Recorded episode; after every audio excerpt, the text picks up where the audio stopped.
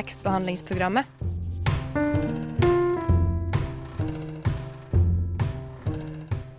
Tekstbehandling på radio.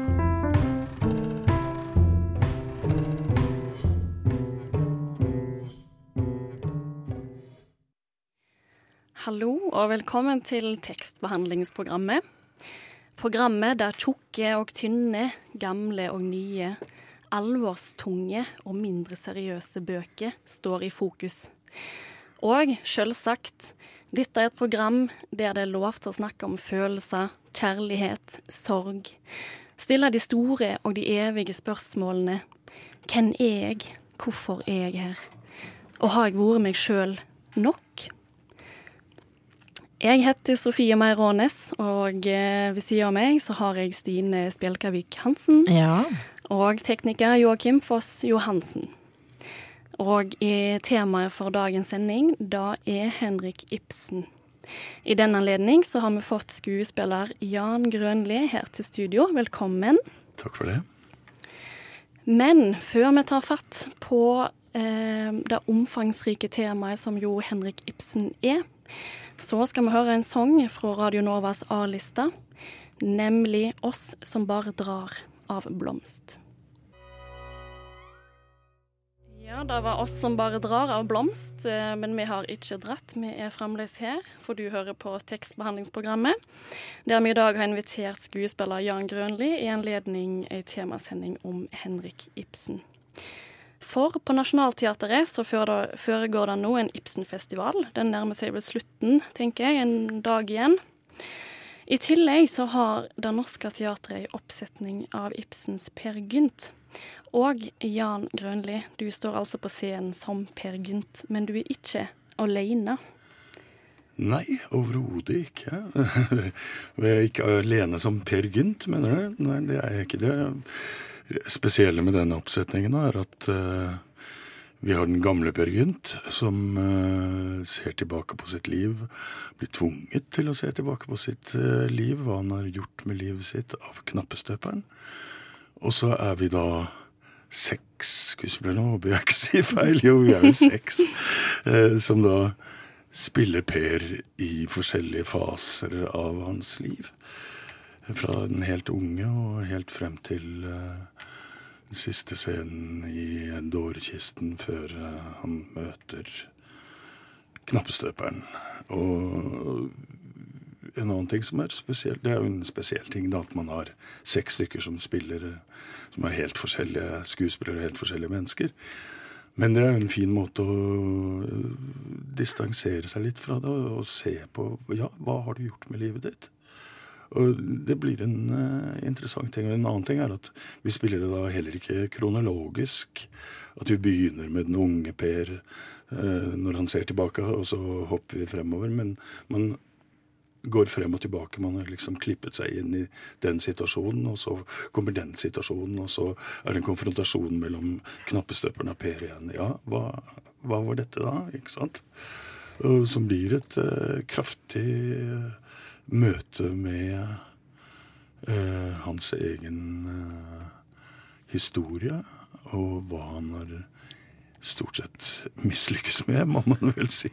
Ja. Som han får demonstrert. og det er jo kraftig. Og det, det, det, blir jo ekstra kraftig at det også er Toralf Maurstad, som snart nå blir 92 år, som står på scenen og gjør dette. At det blir en metadimensjon over det også. Men den gamle skuespilleren som står og ser tilbake på, på det enorme scenerommet som Det Norske Teatret er. ikke sant? Og ser tilbake på sitt teaterliv og sitt eget liv, og forhåpentligvis gjør det at publikum og tilskuerne også vil se på sine liv.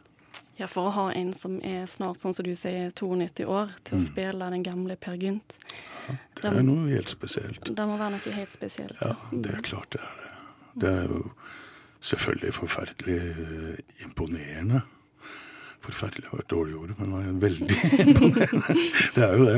Han, ikke bare at han er 92 eh, snart, men det er vel ingen hemmelighet eh, at han for et par år siden hadde et alvorlig slag også, som han har trent seg opp igjen fra. Det er fantastisk at han står der i to og en halv time på scenen og formidler dette verket, da, dette livet. Mm. Som eh, også er vårt liv, da. Ikke bare Per Gyns og ikke bare Toralf Maurstad. Jeg har jo sett forestillinga. Mm. Jeg syns den var veldig fin. Men hva tenker du at det gjør med forestillinga og stykket at det er flere ulike Per Gynt? Nei, det, det, skaper jo en slags distanse, da. At man eh, Man kan jo identifisere seg med den gamle som eh, prøver å finne ut av hva jeg gjorde med livet mitt, liksom. Men, men nå blir det jo ikke sånn at det er én Per Gynt man identifiserer seg med fra ungdommen og helt fram til han blir gammel, og følger han steg for steg. Så man, det blir en, kanskje, kanskje, en mer sånn objektiv måte å se det på. da. Jeg vet ikke. Det, det, det, er en tekst som man kan gjøre på så utrolig mange måter. ikke sant? Jeg selv har spilt Per Gynt i to oppsetninger før, hvor jeg har spilt hele fra han var ung og til han ble gammel. Første gangen jeg spilte, så var jeg 27 år. Andre gangen var jeg 47. Og nå var jeg 67 da jeg begynte på denne her, så jeg har hatt sånn 20 års opphold mellom hver gang. Så neste blir når jeg blir 87, da. Så jeg når ikke helt igjen Toralf Maurstad. Men eh, det jeg skulle si, det jeg skulle ikke snakke om meg selv, det jeg skulle si er at det er så mange måter å gjøre det på. og det, det, har jo vært eh, ganske vanlig å gjøre det med tre skuespillere. som En som spiller den unge, en som spiller den middelaldrende og en som spiller den gamle. Det har vært ganske vanlig. For det er en enorm utfordring å gjøre hele for én skuespiller. Men utrolig givende. og jeg, Det er jo noe som har vært det viktigste jeg har gjort i mitt teaterliv. Men kanskje du kan si veldig kort til de lytterne som mm. ikke har lest Per Gynt. Ja. For du nevnte jo Knappestøperen. Ja. ja. Hvem er dette her? Eh, hvem er Knappstøperen? Mm. Han er en knappestøper. Men altså, eh, det er en tekst som kan leses på så utrolig mange forskjellige måter. og Uh, den har vært lest veldig sånn bonderomantisk opp gjennom tiden. ikke sant? At det er en helt realistisk historie om en bondesønn som uh, kommer det galt ut og reiser ut og gjør de utroligste karrierer i verden, blant annet som slavehandler i sørstatene. og Blir rik på det og mister alt igjen og kommer tilbake. men altså, det er et så rikt uh, diktverk da, at det er umulig å si med få ord hva det er. Men knappestøperen er en knappestøper. Da. Så han sier at uh, en knappestøper han smelter da tinn og lave knapper. Mm. Så det, det, er jo et symbol på at uh, at han sier til Per at du har ikke levd livet som du burde, derfor skal jeg smelte deg i min skje, og du skal smeltes sammen med den massen som du er en del av. At du er ikke noe enestående menneske. Du går tilbake til det fellesskapet som du aldri har vært en del av, på en måte. Ja, jeg har jo lest, uklart, jeg har jo lest, eh, jeg har jo lest Per Gynt, og jeg syns det var en veldig fin, eh, fin forklaring på, på knappestøperen. Og Per Gynt er jo skrevet på en sånn måte, sånn som du sier, at eh, eh det kan tolkes på, på, ulike måter.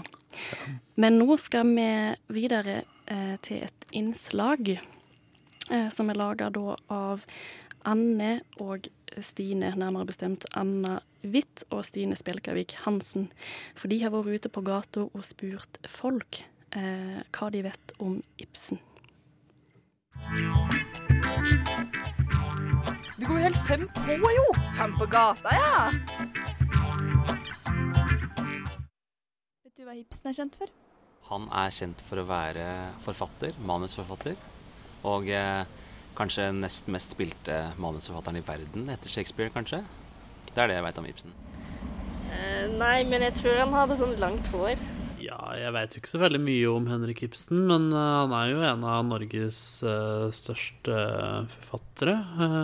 og skrevet mange skuespill og, og bøker. han har skrevet en del skuespill og sånne ting. Ja. Jeg husker jeg leste på skolen og ja. Så er han vel broren til Camilla Collett. Eller var det kona? Jeg vet ikke. Han er fra Skien, da. Det er det man tenker på. Visste ikke jeg. Kommer det på noen stykker av Ibsen? helt på toppen av huet Per Gynt, et uh, dukkehjem, um, gjengangere f.eks. Ja, det var tre på toppen. Et dukkehjem f.eks.? Uh, det er vel nei, Nora er kanskje i et dukkehjem, tror jeg. Det, det stopper uh, på farta.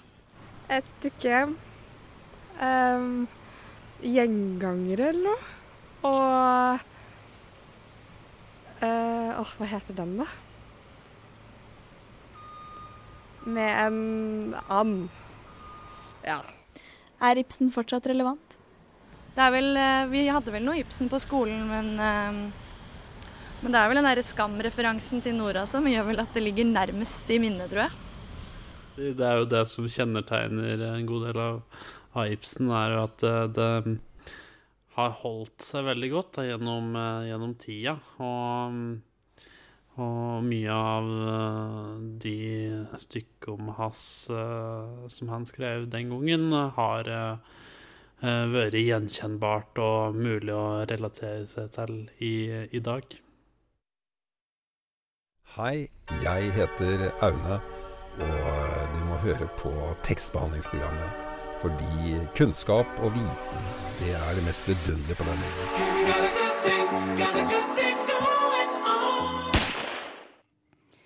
Ja, der hørte du Fem på gata om Ibsen. Og her i studio sitter godgjengen Stine, Jan og jeg, Sofie, og selvsagt tekniker Joakim. Vi putler fremdeles på med vår kjære Henrik Ibsen. Eh, og siden jo innslaget da handler om fem på gata, så tenkte jeg at det passer fint å ha én i studio. Eh, så da lurer jeg på, Jan, eh, kanskje du kan se litt om hvem Henrik Ibsen var? Hvem han var? Ja, hvem var eh, Hva har han, hatt, hva har han hatt å si for, eh, for norsk eh, dramatikk?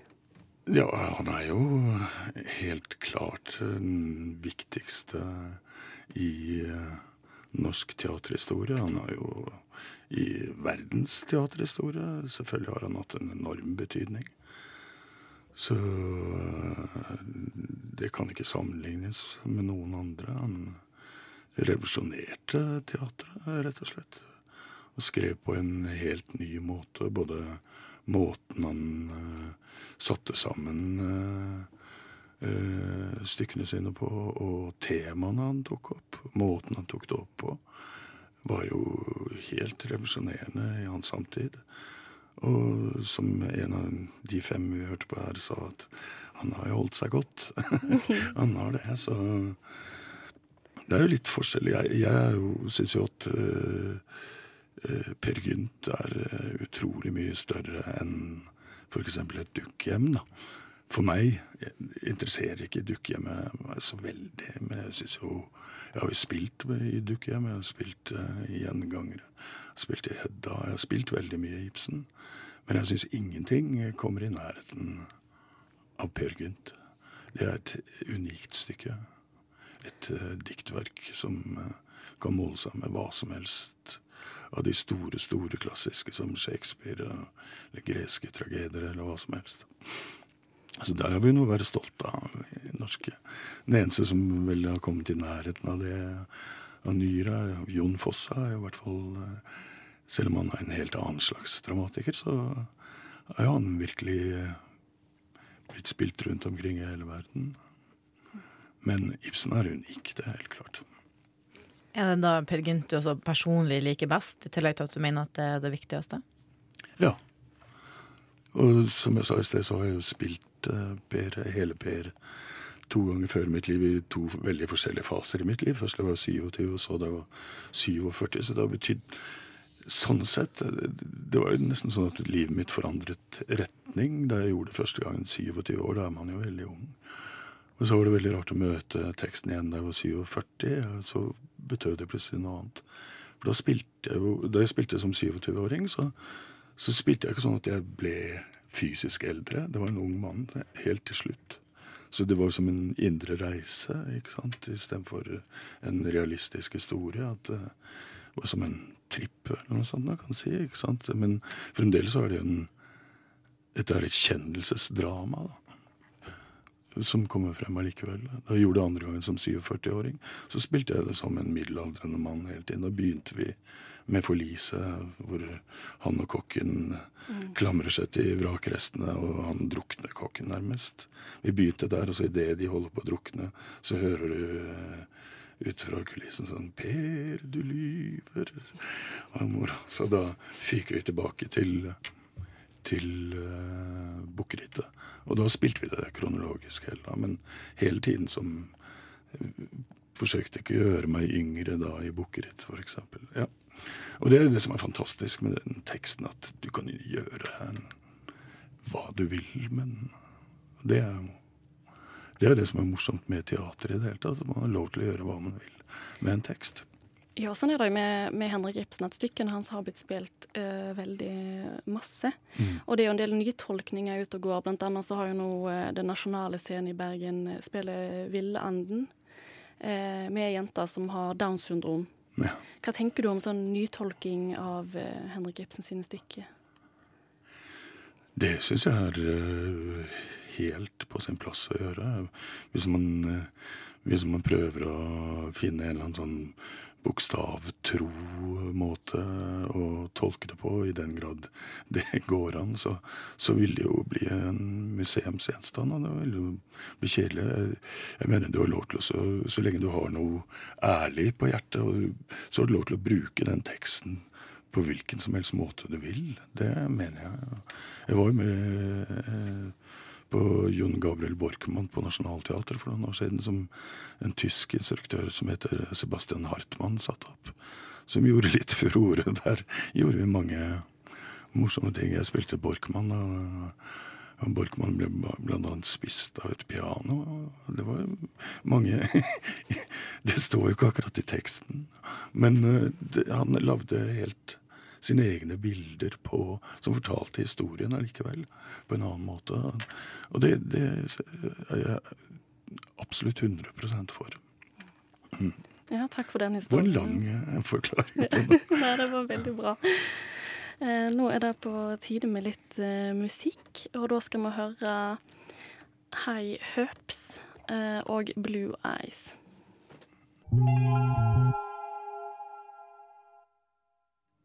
Der hørte vi altså Blue Eyes av High Herbs. Og eh, vi sitter her eh, i studio, Stine, Jan og Sofie, og vi snakker om Henrik Ibsen og eh, har vært inn på Per Gynt en del.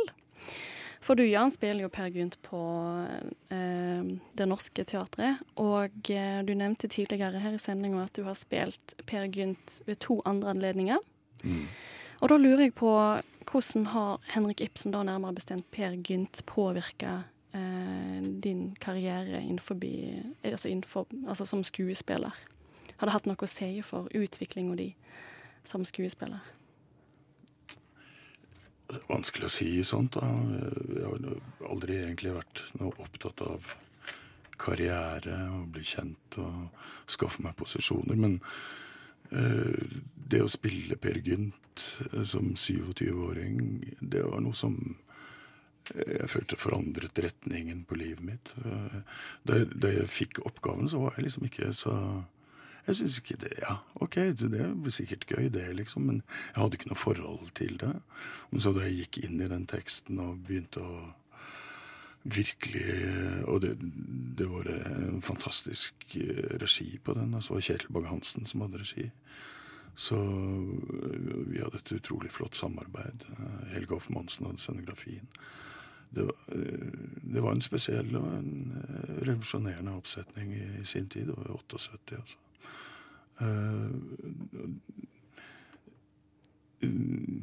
jeg hadde en, Etter at jeg hadde gjort det, så følte jeg liksom at, at nå hadde jeg ikke noe særlig mer å vise frem. Så ikke så lenge etter det, så hvor karrieren min, hvis jeg hadde vært interessert, jeg kunne tatt av skikkelig, så eh, sa jeg heller opp. Og sluttet. Og hadde tre år hvor jeg jobbet i en frigruppe som var ganske langt ute på ute til havs. Så, så, men det hadde, det hadde betydd ja, veldig mye. For vi snakka litt her mens uh, musikken spilte, at uh, du må ofte du må gå inn i karakteren for å, å gjøre en god rolle. Mm. Og da tenker jeg, da lærer du jo nok òg en del av den karakteren som Per Gynt er. Det er klart, det. Mm. Mm. Så, ja. ja. Eh, tenker du at det er et must for skuespillere å ha spilt i et uh, Ibsen-stykke da, i løpet av karrieren? Nei, det tror jeg ikke.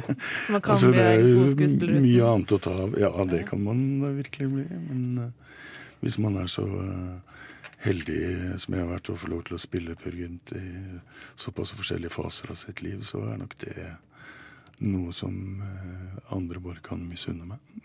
Ja, og Du nevnte jo også, som vi snakka litt om, at du har spilt i flere stykker av Ibsen. Hva slags mm. type roller var det da? Jeg har spilt uh, Osvald gjengangere.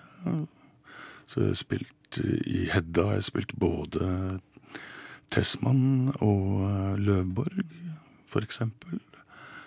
Så Byggmuse Soles har jeg bare gjort i Radioteatret. Uh, ja. Det er mer om akkurat nå som sto litt stille i hodet. Men, ja. nå kjenner ikke jeg til alle disse, og det kan jo hende at lytterne heller ikke gjør. Uh, mm. Er de veldig forskjellige fra Per Gynt? Ja, det er det jo. Ja, hva mm. slags type karakterer er det, hvis du bare kan si litt kort generelt? Nei, det, det, er veldig vanskelig. Det er vanskelig å si det sånn kort, men det er jo, det er jo veldig forskjellige slags uh, stykker, i og med at Per Gynt er et så rikt diktverk. Mens de andre er jo realistiske uh, skuespill med en handling som hvor eh, han stadig nøster opp hvorfor At det er sånn retrospektivt uh, blir det nøstet opp hvorfor Osvald er sånn, og hvorfor Løvborg er sånn. Og, at det blir sånn puslespill som man kan Det er ikke noe fasitsvar, men det er, det er lagt ut Det er nesten som en kriminal, ikke sant? Som en krim. At uh, man kan finne ut uh, tolkninger som eh, Og der var han jo også genial med den måten å forstå psykologi på. Eh, det er en sånn rar ting som eh, noen forskere at, som jeg har hørt, at, at, det var så fantastisk at Ibsen så det før Freud. Og da skjønner de ikke at det er jo alltid dikterne og kunstnerne som er ute før en som Freud. ikke sant? Freud plukket jo ting fra de greske tragediene, og fra Ibsen. Det er jo der eh, det innovative ligger hos kunstneren. Jeg har en liten kommentar eh, til det. Eh, Freud mener jeg òg har sitert Ibsen faktisk en del mm. ganger, sånn som du sier med disse andre stykkene. Mm. Og personlig, når jeg leser både dikt og skuespill Jeg er, veldig, jeg er litt svak for å lese skuespill, mange syns det er rart. Men jeg føler at det sier veldig masse, dialogene ofte, eh, de ordene som blir brukt. Mm. Um, så du har nok helt rett i det at eh, ja, diktere og poeter og forfattere ja. de klarer ofte å sette fingeren på ting som er umulig å beskrive, på et ja. vis. Mm. Eh, nå skal vi høre en eh, flott sang som du har valgt. Å oh, ja. ja. ja. Det er hyggelig. Mm, og da er det 'Old Man' av Neil Young. Eh, kanskje du har lyst å En gammel helt. Ja, mm. lyst til å si et par ord? Eller tre? Ja, jeg bruker ikke si så mye om det. Grunnen til at jeg valgte, var jo tittelen, ikke sant. Det er en av de virkelig gamle. Det er vel, er vel på Harvest-albumet hvor det er nummer to han lagde, tror jeg. Som er 50 år gammel. Old Man heter sporet, og det syns jeg passet i denne sammenhengen i forhold til Per Gynt-oppsetningen. Hvor det er den gamle mannen som uh, står på kanten av stupet og ser tilbake på livet sitt. Og det var jo det refrenget i denne som sier Hva er det sier? Old man, take a look at my life. I'm a lot like you.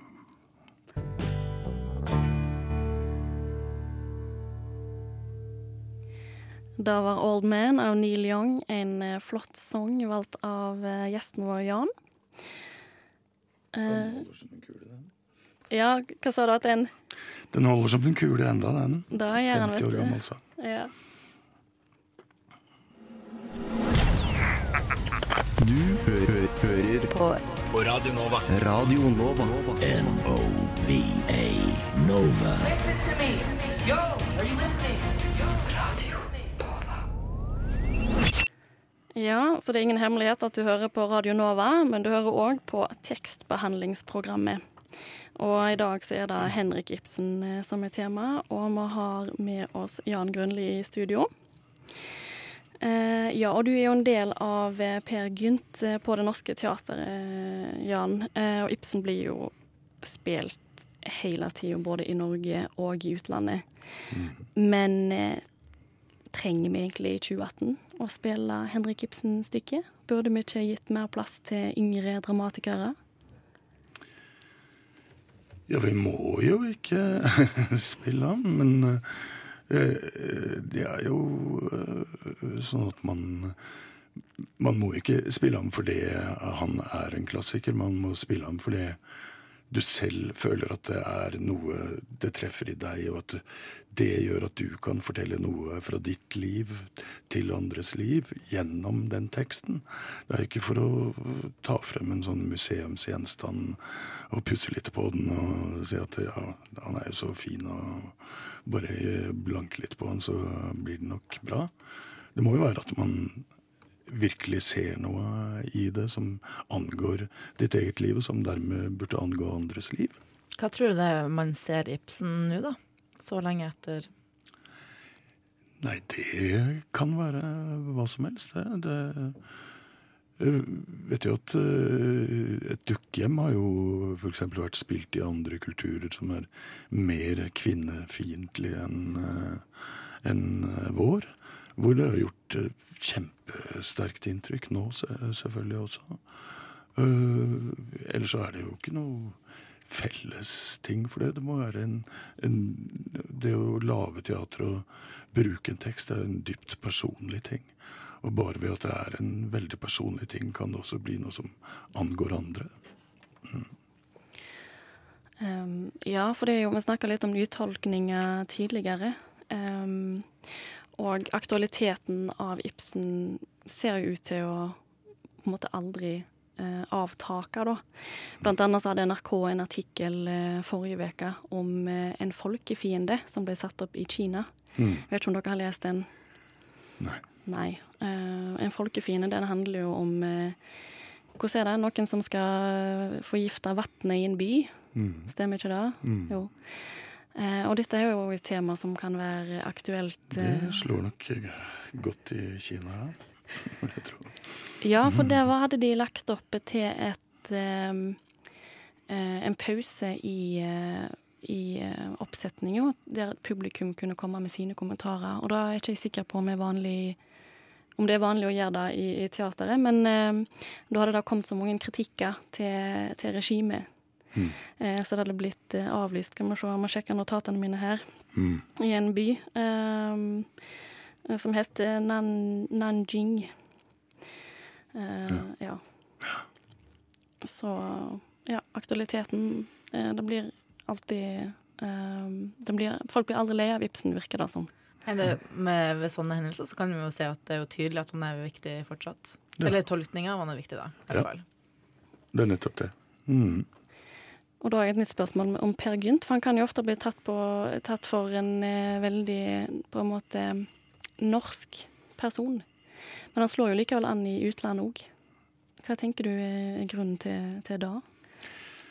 Ja, jeg, jeg, jeg tenker ikke på ham som eh, at han er noe typisk norsk eller noe sånt. Jeg vet at det har vært eh, noen som har sett sånn på ham, at det har vært litt sånn bonderomantikk rundt det. At man har liksom prøvd å finne ut uh, om det er noen uh, historisk modell for ham og sånne ting. Men nei, det, altså, Per Gynt er jo en så rik karakter, og det er en så rik tekst at han er jo fullstendig universell, selvfølgelig. Mm. Så det, det er ikke Jeg vil ikke si at det er noe typisk norsk. Nei. Og Typisk tydeligvis- norsk å være god, var det det? Eh, er noe annet. Typisk norsk å være god, eller bedre. Ja. Eh, Men nå har du valgt en til sang for oss. Ja. Og da er det Bob Dylan eh, sin tur. Ja. 'Not Dark Yet'. Eh, har du en kommentar? Nei, ikke annet enn at jeg, jeg hører at jeg velger de gamle gutta, men som fremdeles er i gang og fullt på høyden. Så det øh, Nei, det kan ikke den stå for seg selv, da. Jeg synes Jo, det syns jeg han kan. Ja, Mm. At det ikke er mørkt ennå.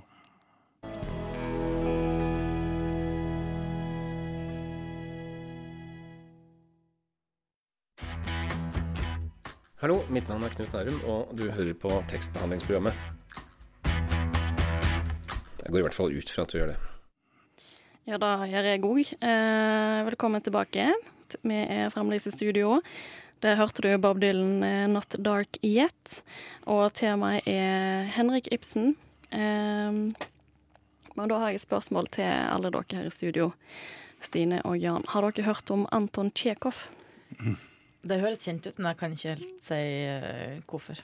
Dessverre. Ja, Ja, det har jeg jo du- som skuespiller ville vært rart om jeg ikke hadde hørt om han. Ja. Eh, Russisk eh, dramatiker, den største vel, Jo. som har vært. Så ja, jeg har spilt den og sett flere stykker. da. Ja.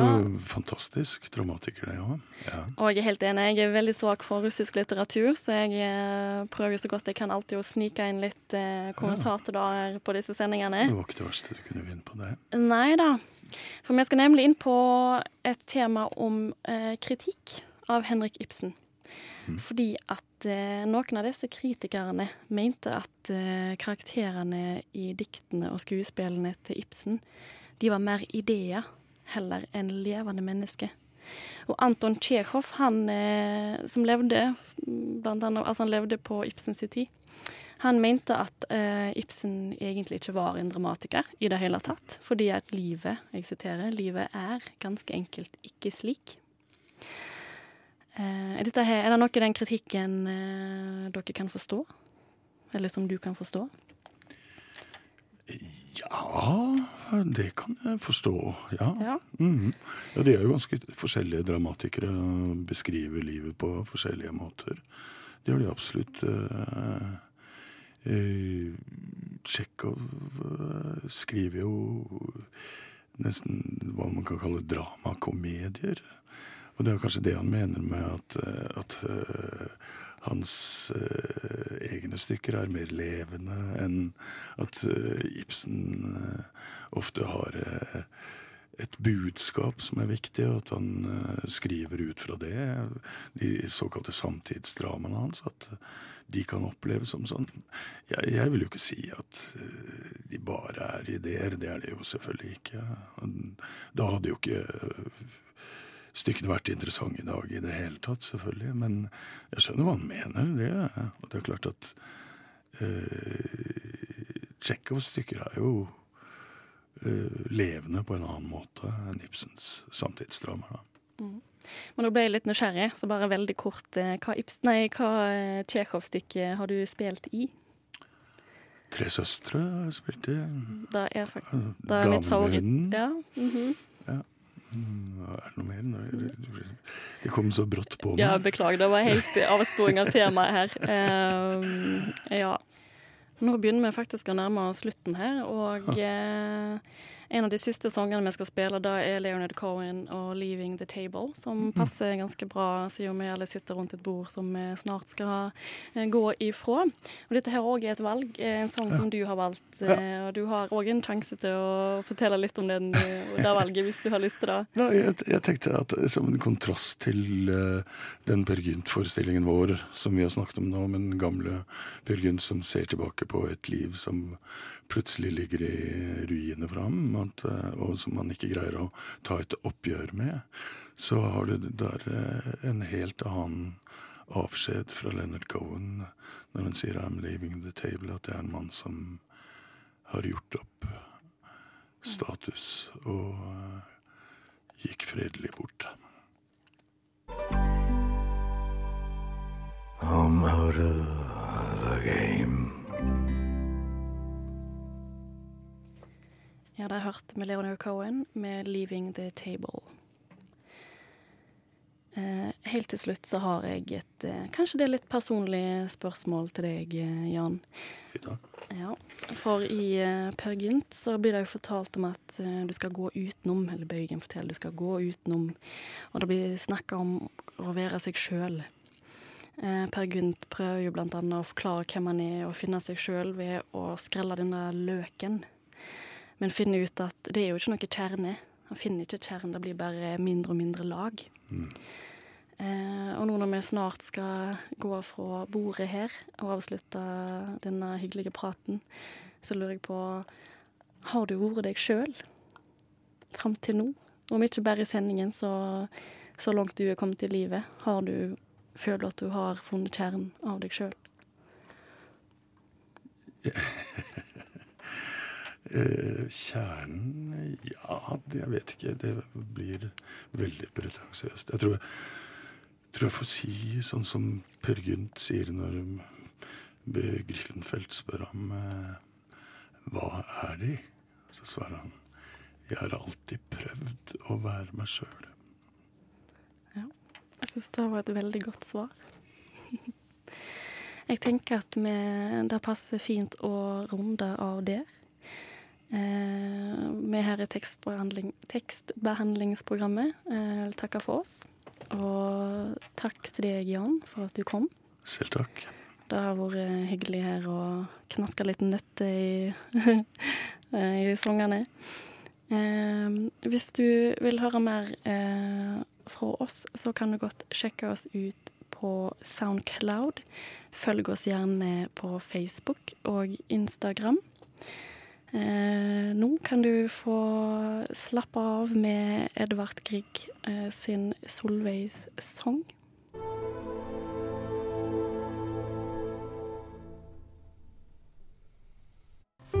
Tekstbehandlingsprogrammet.